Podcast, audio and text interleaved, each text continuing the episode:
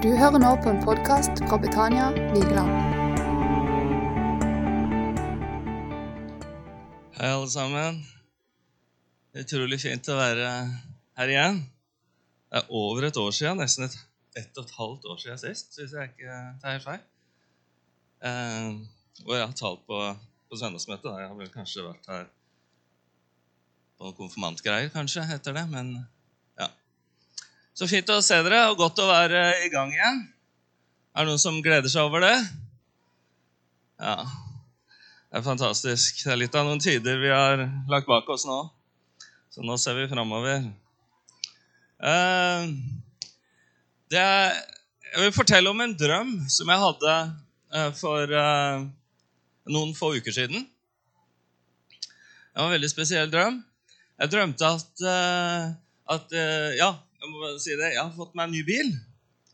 En eh, helelektrisk eh, svart eh, Jaguar. Den er helt sinnssykt lekker og, og rå. 400 hester fra, 4 til, nei, fra 100, nei, 0 til 100 på 4,8 sekunder. Så det er en sinnssykt knallbil. knall bil. Den står på utsida. Kan få se den etterpå.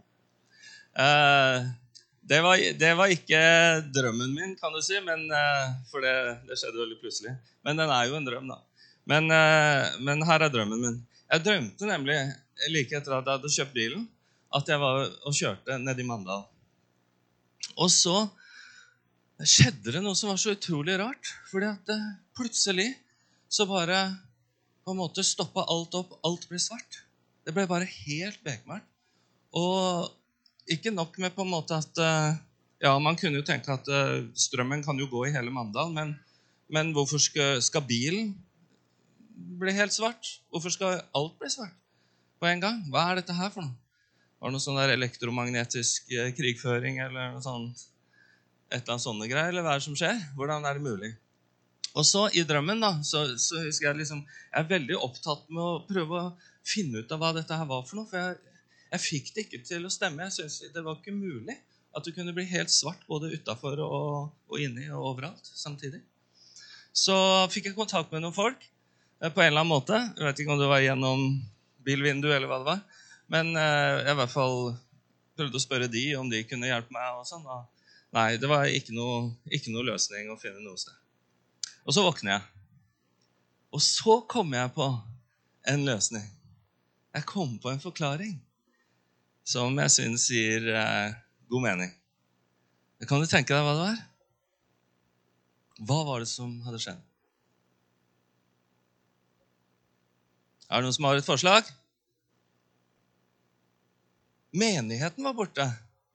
Nei, eh, det var det ikke.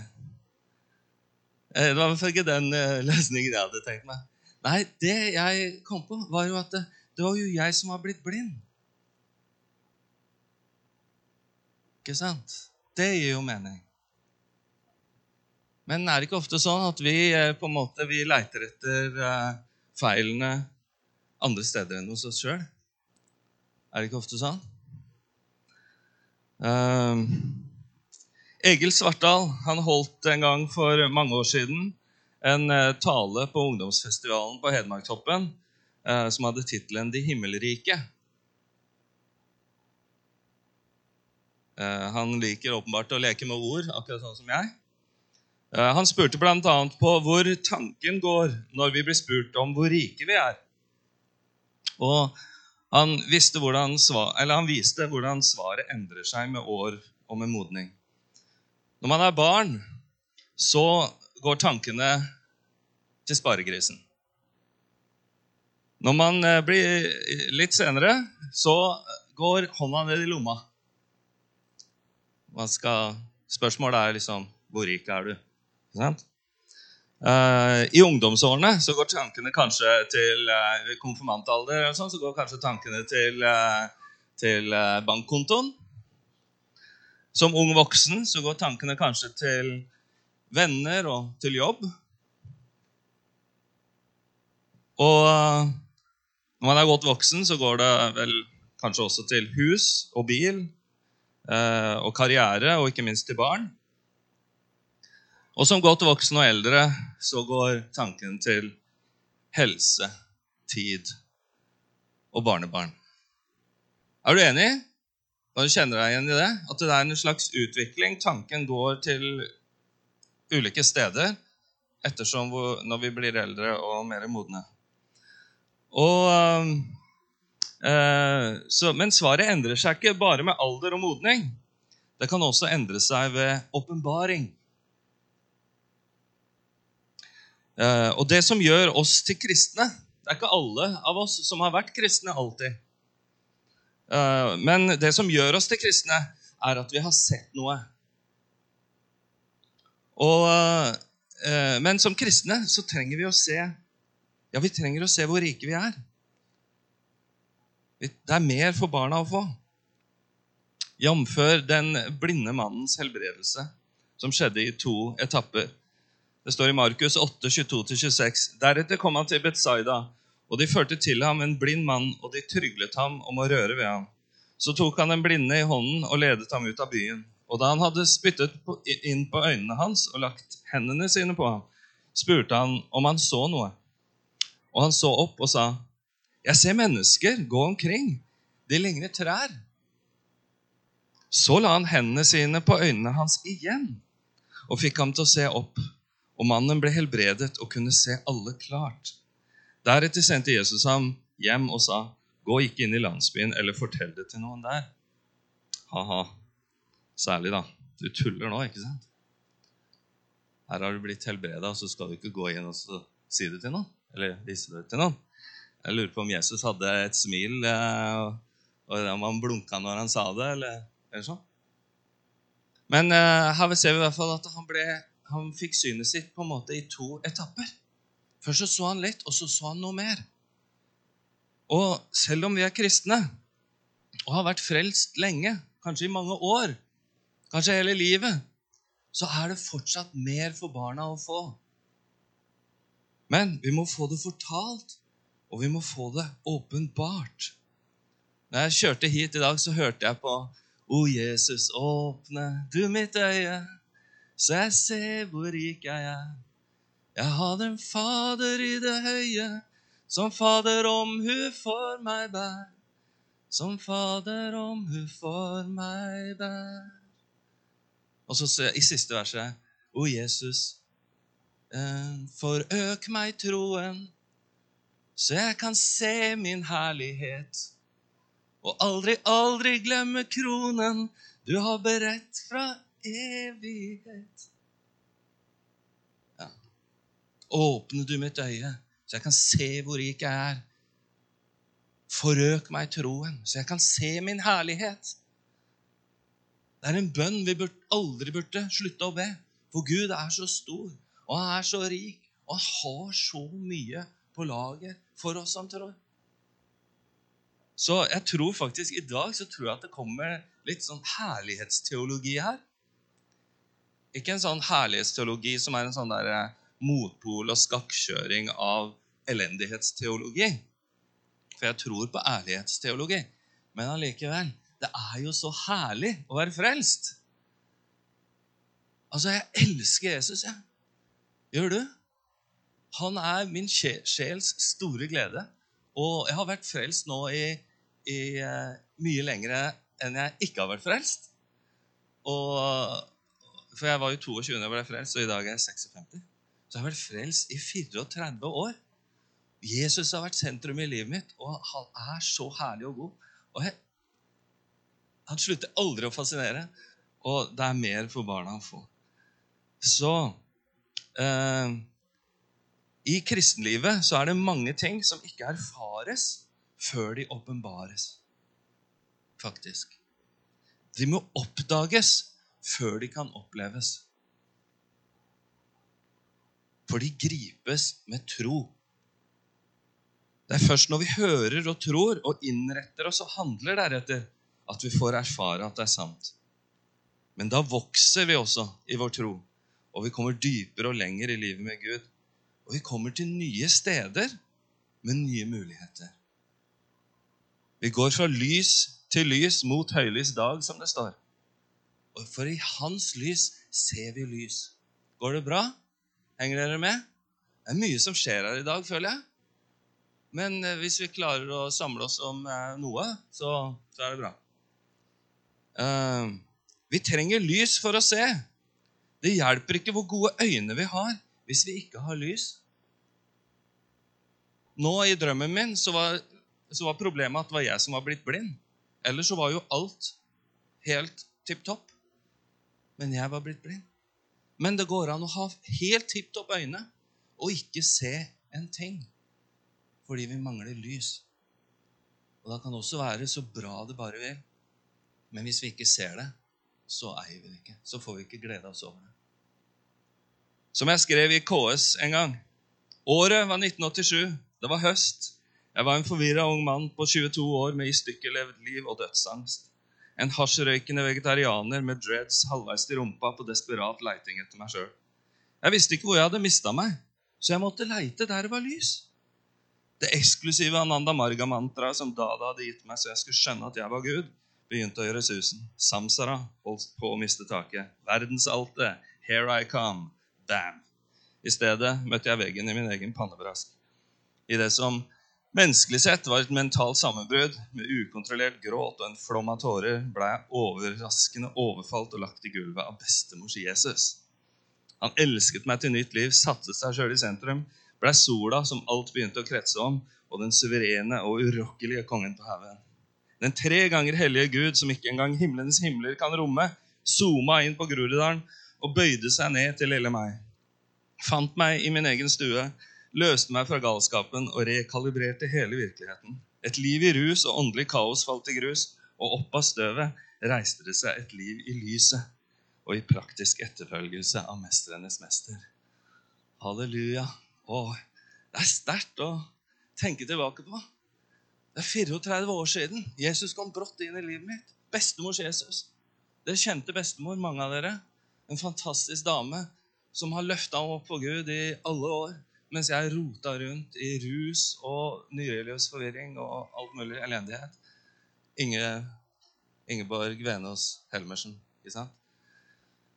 Uh, hvis ikke Jesus hadde kommet til verden, ville verden vært håpløst fortapt og i dypeste mørke. Jesus sier om seg selv, 'Jeg er verdens lys'. Han sa ikke 'Jeg er et lys i verden'.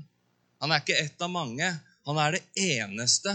Og hvis han er det eneste lyset, så betyr det at uten han så er det bare mørke. Enten vi vet eller ei. Og det er jo det som er problemet. Det store, store problemet er at folk tror de er i lyset uten Jesus.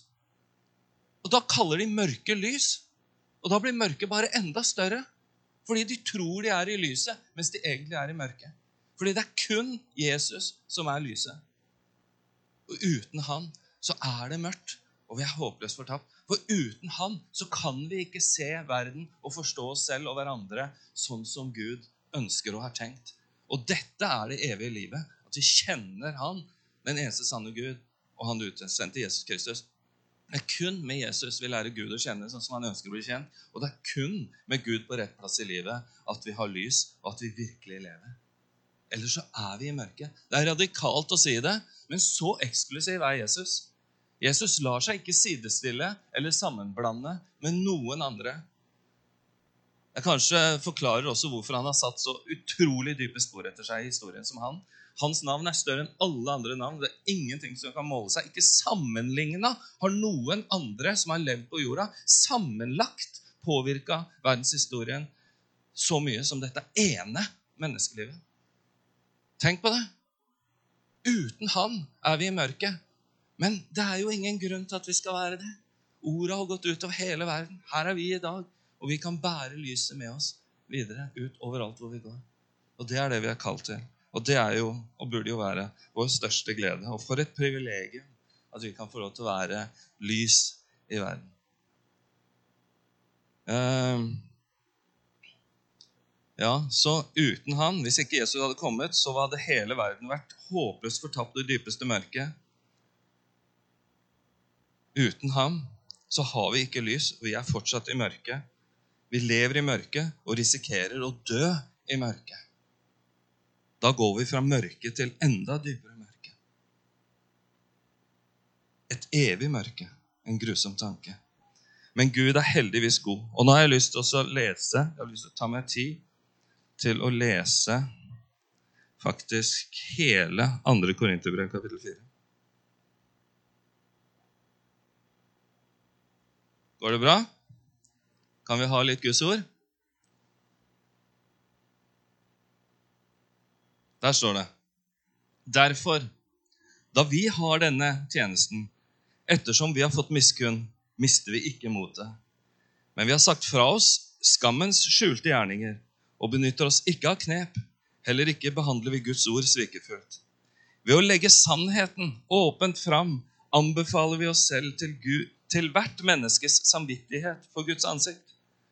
Selv om vårt evangelium er skjult, er det for dem som går fortapt, det er skjult. De vantro som har fått sine sinn forblindet av denne tidsalders Gud, for at ikke lyset fra herlighetens evangelium om Kristus, som er Guds bilde, skal skinne for dem.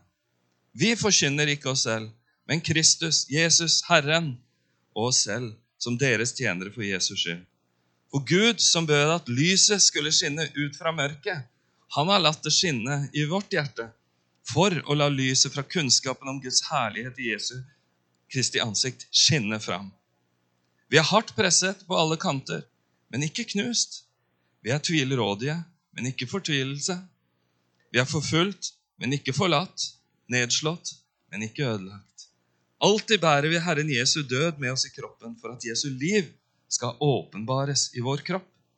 Vi som lever, blir alltid overlatt til døden for Jesus skyld, for at også liv skal åpenbares i vår dødelige kropp. Slik virker da døden i oss, men livet i dere. Siden vi har den samme troens ånd, etter det som er skrevet, jeg trodde, derfor talte jeg, så tror også vi, derfor taler vi. For vi vet at Han som reiste opp Herren Jesus, skal også reise oss opp med Jesus og framstille oss sammen med dere. Alt dette skjer for deres skyld, for at nåden, når den ved stadig flere har spredd seg utover, kan føre til takk i rikelig mål til Guds ære. Derfor mister vi ikke motet. For selv om vårt ytre menneske går til grunne, blir likevel det indre mennesket fornyet dag for dag. For vår trengsel, som er lett og bare varer en kort stund, virker for oss en enda mer overstrømmende og evig fylde av herlighet, idet vi ikke retter blikket på de synlige ting, men på de usynlige. De synlige ting er forgjengelige, men det usynlige er evige. Halleluja. Halleluja. For Gud som bød at lys, bød lys å skinne ut fra mørket, han har latt det skinne i vårt hjerte for å la lyset fra kunnskapen om Guds herlighet i Jesu Kristi ansikt skinne fram. Gud er så ufattelig god, og vi er så uendelig rike, vi som tror. Men vet vi det? Vi har denne skatt i leirkar. Vet vi det? Har vi sett det? Vi er helt himmelrike, for å låne uttrykket fra Egil Svartdal. Men lever vi i det? Er det noen her som har blitt skuffa noen gang over en gave som de fikk? Ikke at du er utakknemlig, og ikke at det ikke var en fin ting. Men det var bare ikke det du ønska deg aller mest. Eller i det hele tatt. Er det noen som kan kjenne seg igjen? Som har hatt det sånn? Å, tusen takk! Det er jo akkurat sånn jeg aldri har ønska meg. Lol. Du fikk noe du syns du ikke trengte, istedenfor noe du virkelig trengte. Noe som var helt uvesentlig, istedenfor noe som var skikkelig viktig. Det er jo et problem vi har i våre dager, er det ikke da? Når folk eh, har alt hva skal du gi til folk som har alt, da? Ikke sant? Det er jo Ja. Men prøv å tenke et lite øyeblikk på hva som er det viktigste du kan tenke deg i livet. Hva er det største behovet eller høyeste ønsket ditt? Tenk et lite øyeblikk. Hva er det viktigste du kan tenke deg i livet, og det største behovet eller høyeste ønsket ditt? Hva er det? Og det kan være mange selvfølgelig gode og legitime ting. Eh, men tenk om du kunne få de viktigste tingene i livet som gave. Ikke som lønn eller fortjeneste. Tenk om vi kunne hatt alt vi trengte, og ikke mangle noe. Ja, men nå snakker du vel om himmelen, ikke sant? Vi må vente litt, da. Ikke sant? Eller kanskje? Eller kanskje ikke? Hva med litt himmelske dager på jorden, som A.B. Simpsons andagsbok heter? Kanskje vi kan ha litt mer himmel på jord? 2. Korint 9,8 sier Paulus Gud er mektig til å la all nåde komme til dere i overflod, så dere alltid og i alle forhold skal ha nok av alt som trengs, og ha overflod til all god gjerning. Å, jeg ble helt andpusten. Wow! Hørte dere det, eller? Nok av alt som trengs, og ha overflod til all god gjerning. Filipperne 4.10-13 skriver Paulus jeg gledet meg stort i Herren over at deres omsorg for meg nå endelig har blomstret opp igjen. Selv om dere også viste omsorg før, hadde dere ikke anledning til å gjøre noe. Jeg sier ikke dette fordi jeg mangler noe. For jeg har lært å være fornøyd under de forskjellige forhold jeg har vært i. Jeg vet hva det er å ha det trangt, og jeg vet hva det er å ha overflod. Overalt og i alle ting jeg har jeg lært både å være mett og å være sulten, både av overflod og å lide nød. Jeg makter alt i Han som gjør meg sterk. Jeg sier ikke dette fordi jeg mangler noe. Er det en fattig eller en rik mann som snakker sånn? Da kong David i gamle Israel sa at han ikke manglet noe, så var det ikke fordi han var konge eller lottomillionær og var så rik, men fordi han kjente en som overgikk alt annet, og som sørga for alt han trengte. Han hadde Gud som herre og hyrde. Og han skrev i Salme 23,1.: Herren er min hyrde. Jeg mangler ingenting. Er det bare munnhell, eller er det en hemmelighet her? Jeg mangler ingenting. Tenk å kunne si det. Kan du si det? Tror du du noen gang vil kunne si det? Hva må i så fall til? Det er dessverre veldig mange misforståelser ute og går når det gjelder Gud. Har du merka det? Og kanskje stussa litt over det? Hvordan kan f.eks. to personer tro på den samme Gud, men oppføre seg som om det er to helt forskjellige guder? Hvordan kan noen oppleve kristendommen som en frigjørende kraft, mens andre opplever den som en tvangstrøye? Hvordan kan det være? Begge kan vel ikke ha rett? Eh, oppfører Gud seg kanskje annerledes mot noen enn mot andre? Fins det ulike kristendommer? Nei, det er ikke mulig. Men det er mange som oppfører seg som om Salme 23 eh, ikke sier 'Herren er min hyrde, jeg mangler ingenting', men som heller leser 'Herren er min byrde, jeg fatter ingenting'. Herren er min byrde, jeg fatter ingenting. Men det er jo det stikk motsatte, og så feil kan noen ta. Det var en amerikaner som levde for ca. 100 år siden, som het William Randolph Hearst. Og det er livet hans som den berømte filmklassikeren Citizen Kane er basert på. Han bygde et stort avisimperium i USA på 1920-tallet og fikk bygd et enormt slott på en stor gård i California. Der hadde han en stor samling av antikviteter og kunst som han hadde investert mye penger i. Han samla gjenstander fra hele verden og lagra det i forskjellige lagerbygninger rundt omkring på gården. En dag leste han en beskrivelse av en verdifull kunstgjenstand i et blad. Han bestemte seg for at eh, den skal jeg bare ha tak i. Den må jeg ha. Og, øh, men det var ingen som kunne si hvor den befant seg. Så øh, han sendte folk ut da, i hele verden. Dette er en sann historie. altså. Han sendte folk ut i hele verden for å leite etter dem. Og de lette i månedsvis. Og omsider, eller til slutt, så kom det en mann og sa, 'Mr. Hirst, jeg har funnet den.' Og han ble selvsagt kjempeglad og spurte, 'Ja, men hvor var den?' Mannen svarte, 'I et av lagrene dine. Du kjøpte den for mange år siden.' En tankevekkende historie. Hirst hadde vært på desperat jakt etter noe han allerede eide. Så feil kan man ta. Og faktum er at mange av oss kristne, ja, ikke bare kristne, men faktisk all, de aller fleste mennesker, de er på desperat jakt etter ting de allerede eier. Jeg har fire barn. De mista mammaen sin da de var ganske små. De har kanskje følt seg fattige eller ønska at de hadde masse penger i banken.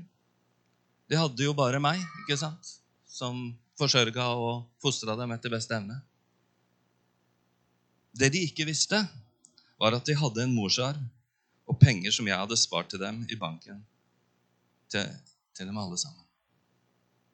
De var rike, men visste det ikke, og gikk derfor og lengta etter noe de allerede eide. Nå tror jeg ikke de blei veldig ulykkelige av det, for de hadde alltid og fikk alltid det de trengte. Men det er andre som går og er dypt ulykkelige fordi de savner og tror de mangler noe de allerede har.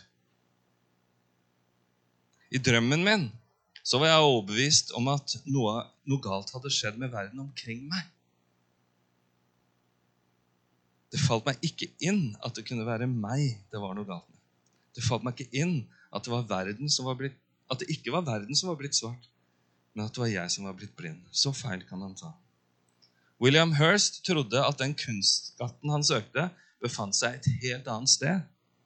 Men sannheten var at han hadde den i sitt eie hele tiden. Så feil kan han ta.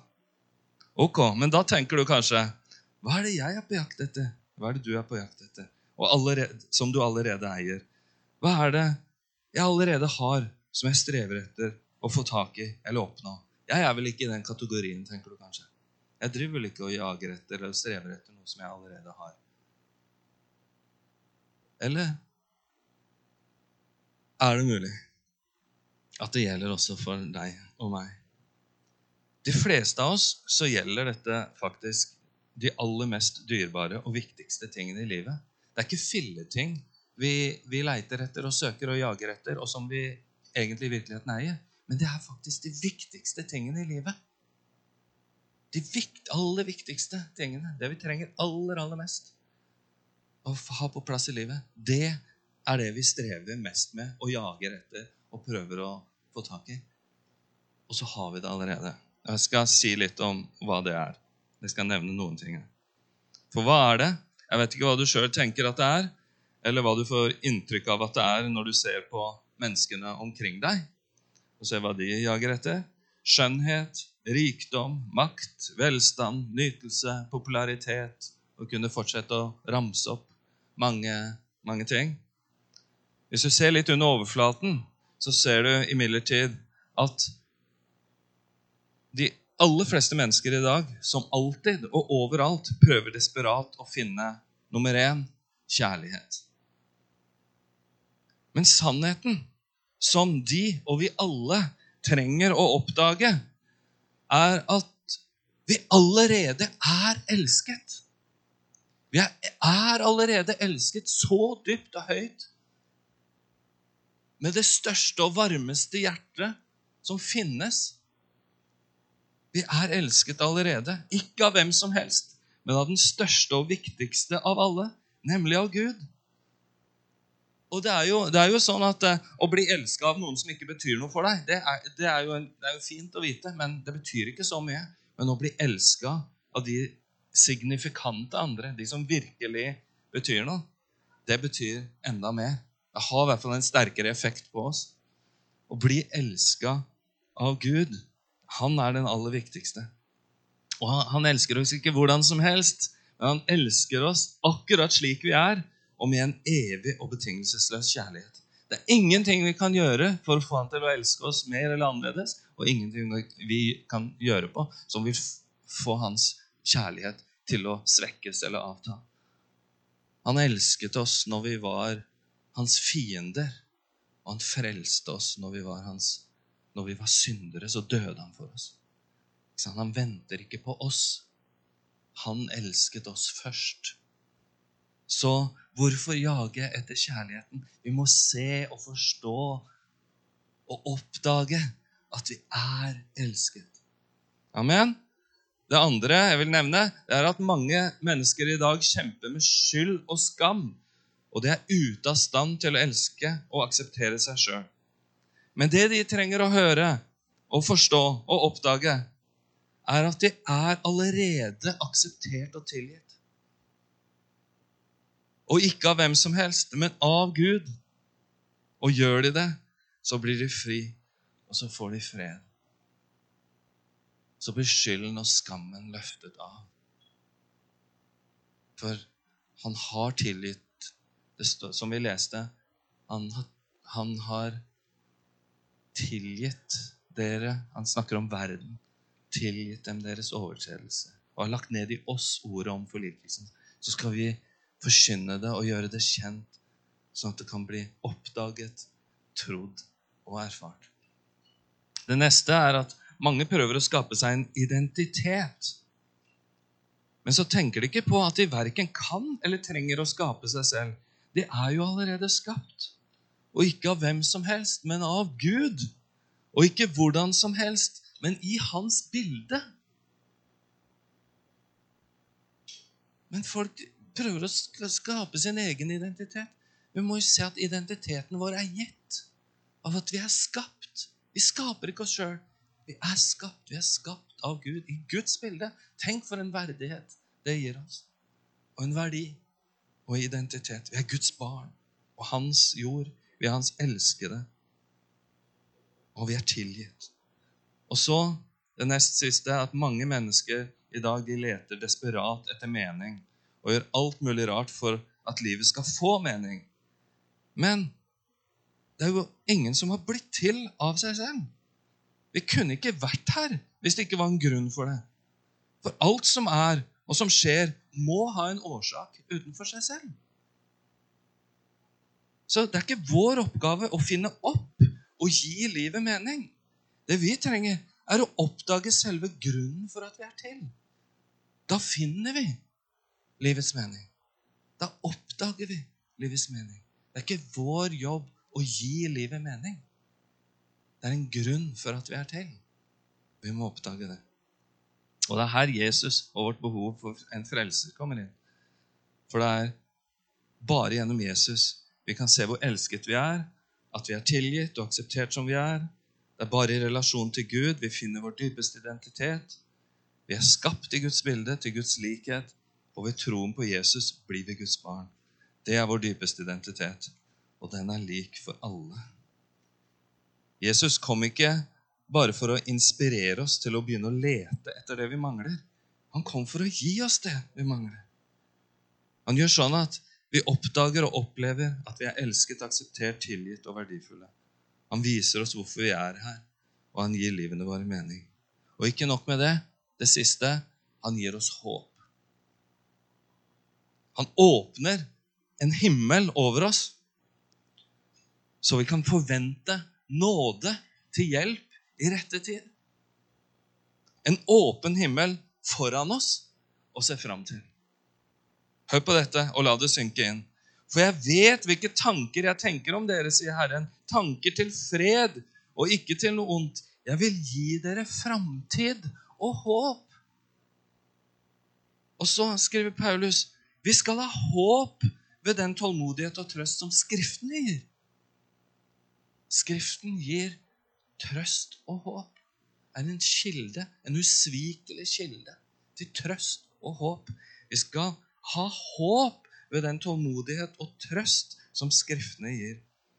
Og så sier han i andre test men vi skylder alltid å takke Gud for dere søsken, dere som er elsket av Herren, fordi Gud fra begynnelsen utvalgte dere til frelse ved åndens helliggjørelse og ved tro på sannheten.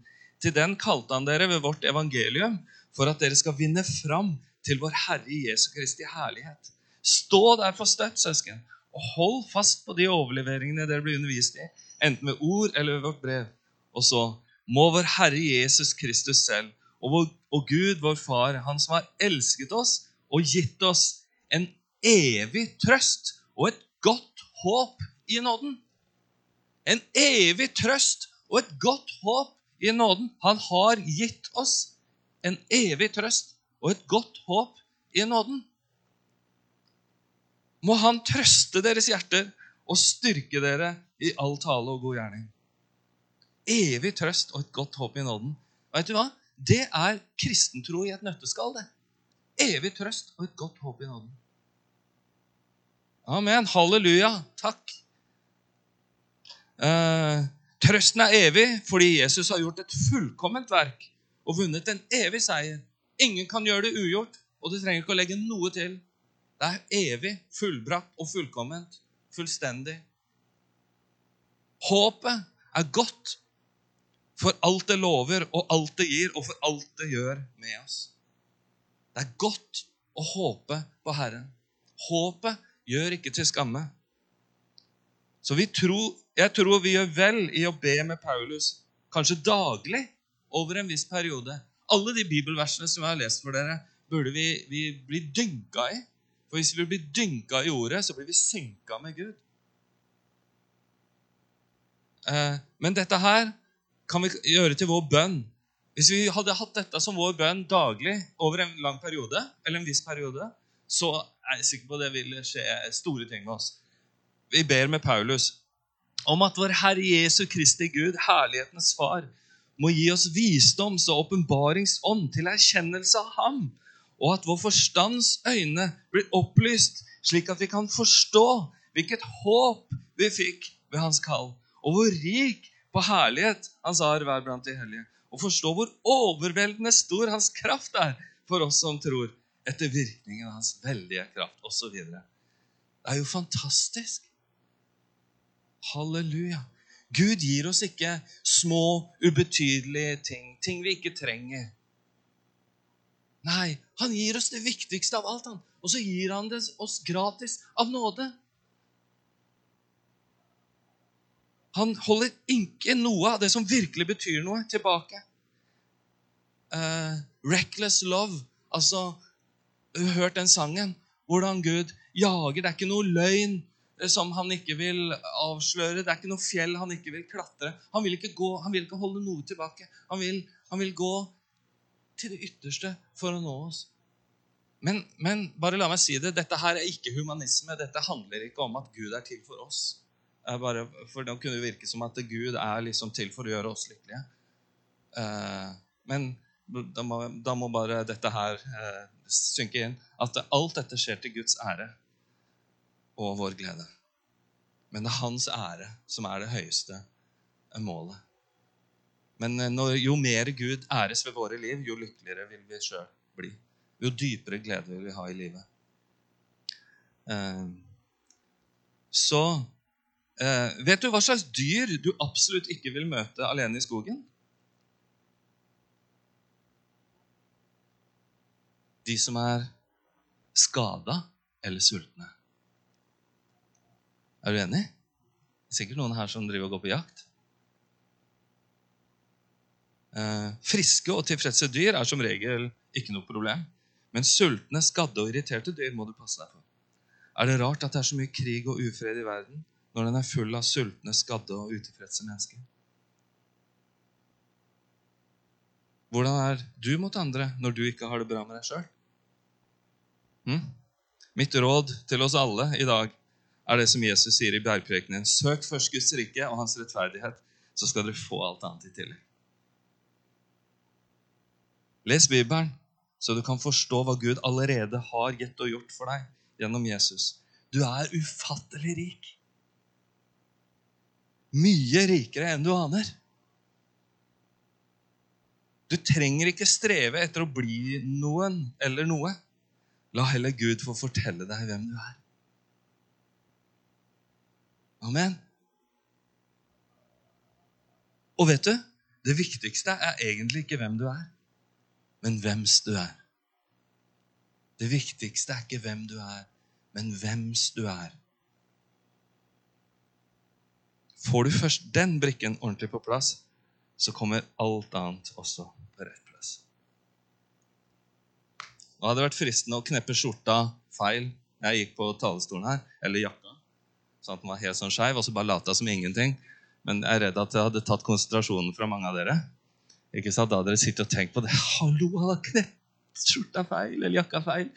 Og, kan, kan å, er det ingen som kan si ifra? Er det ingen som kan gå fram og ta tak i Hvor er kona hans? Nei, han har ikke kone. Ja, hvem, er det ikke noen? Hvem, noen må jo kunne si, si noe. Ikke sant? Så jeg ville ikke gjøre det, da. Men ikke sant? hvis den første knappen er feil, så blir alt annet feil. Ikke sant? Den første knappen må i rett hull. Gud må på rett plass i livet vårt. Da blir alt annet også riktig. Hvis Gud er feil på feil plass, så blir alt annet feil. Men med Gud på rett plass, så blir det bra. Amen? Ja, takk for meg. Halleluja. Takk, Jesus. Takker deg for ordet vi har fått dele. Takker deg for din ufattelige rikdom og godhet. Og jeg takker deg for at vi har et så sinnssykt godt budskap, og at vi, har, vi er så elsket, og vi er tilgitt, vi er velsigna, og vi er velsigna med all åndelig velsignelse i himmelen i Kristus Jesus, og så mye godt og vi er velsigna med menighet, med brødre og søstre. Vi er velsigna med fremtid og håp. Og vi kunne bare ramse opp og ramse opp og aldri bli ferdig, Herre. Takke deg for all din godhet mot oss. Den er uendelig. Jeg ber deg at ingen skal gå ut herfra eh, i, i eh, formiddag uten å ha fått se noe mer, Herre. Du må gi oss hjertets opplatte øyne, Herre, og gi oss åpenbaring, så vi kan få en erfaring av det som du alt har gjort og ønsker å gjøre, og alt du er og vil være for oss, Herre. Jeg takker deg for Betania, for brødrene og søstrene mine her. Jeg takker deg for høsten som ennå ligger eh, foran, og, og eh, det nye virkeåret som vi har gått inn i. Jeg takker deg for du eh, går foran, Herre. Du har gått foran. Og du skal få oppleve å bygge din menighet og bygge ditt rike og fordype troen, gå i ferdiglagte gjerninger oppleve din velsignelse og ditt nærvær. Vi vil ha ditt nærvær, Herre. Vi vil ha deg. Det er deg vi vil ha. Du er egentlig alt vi trenger. Mer av deg i våre liv.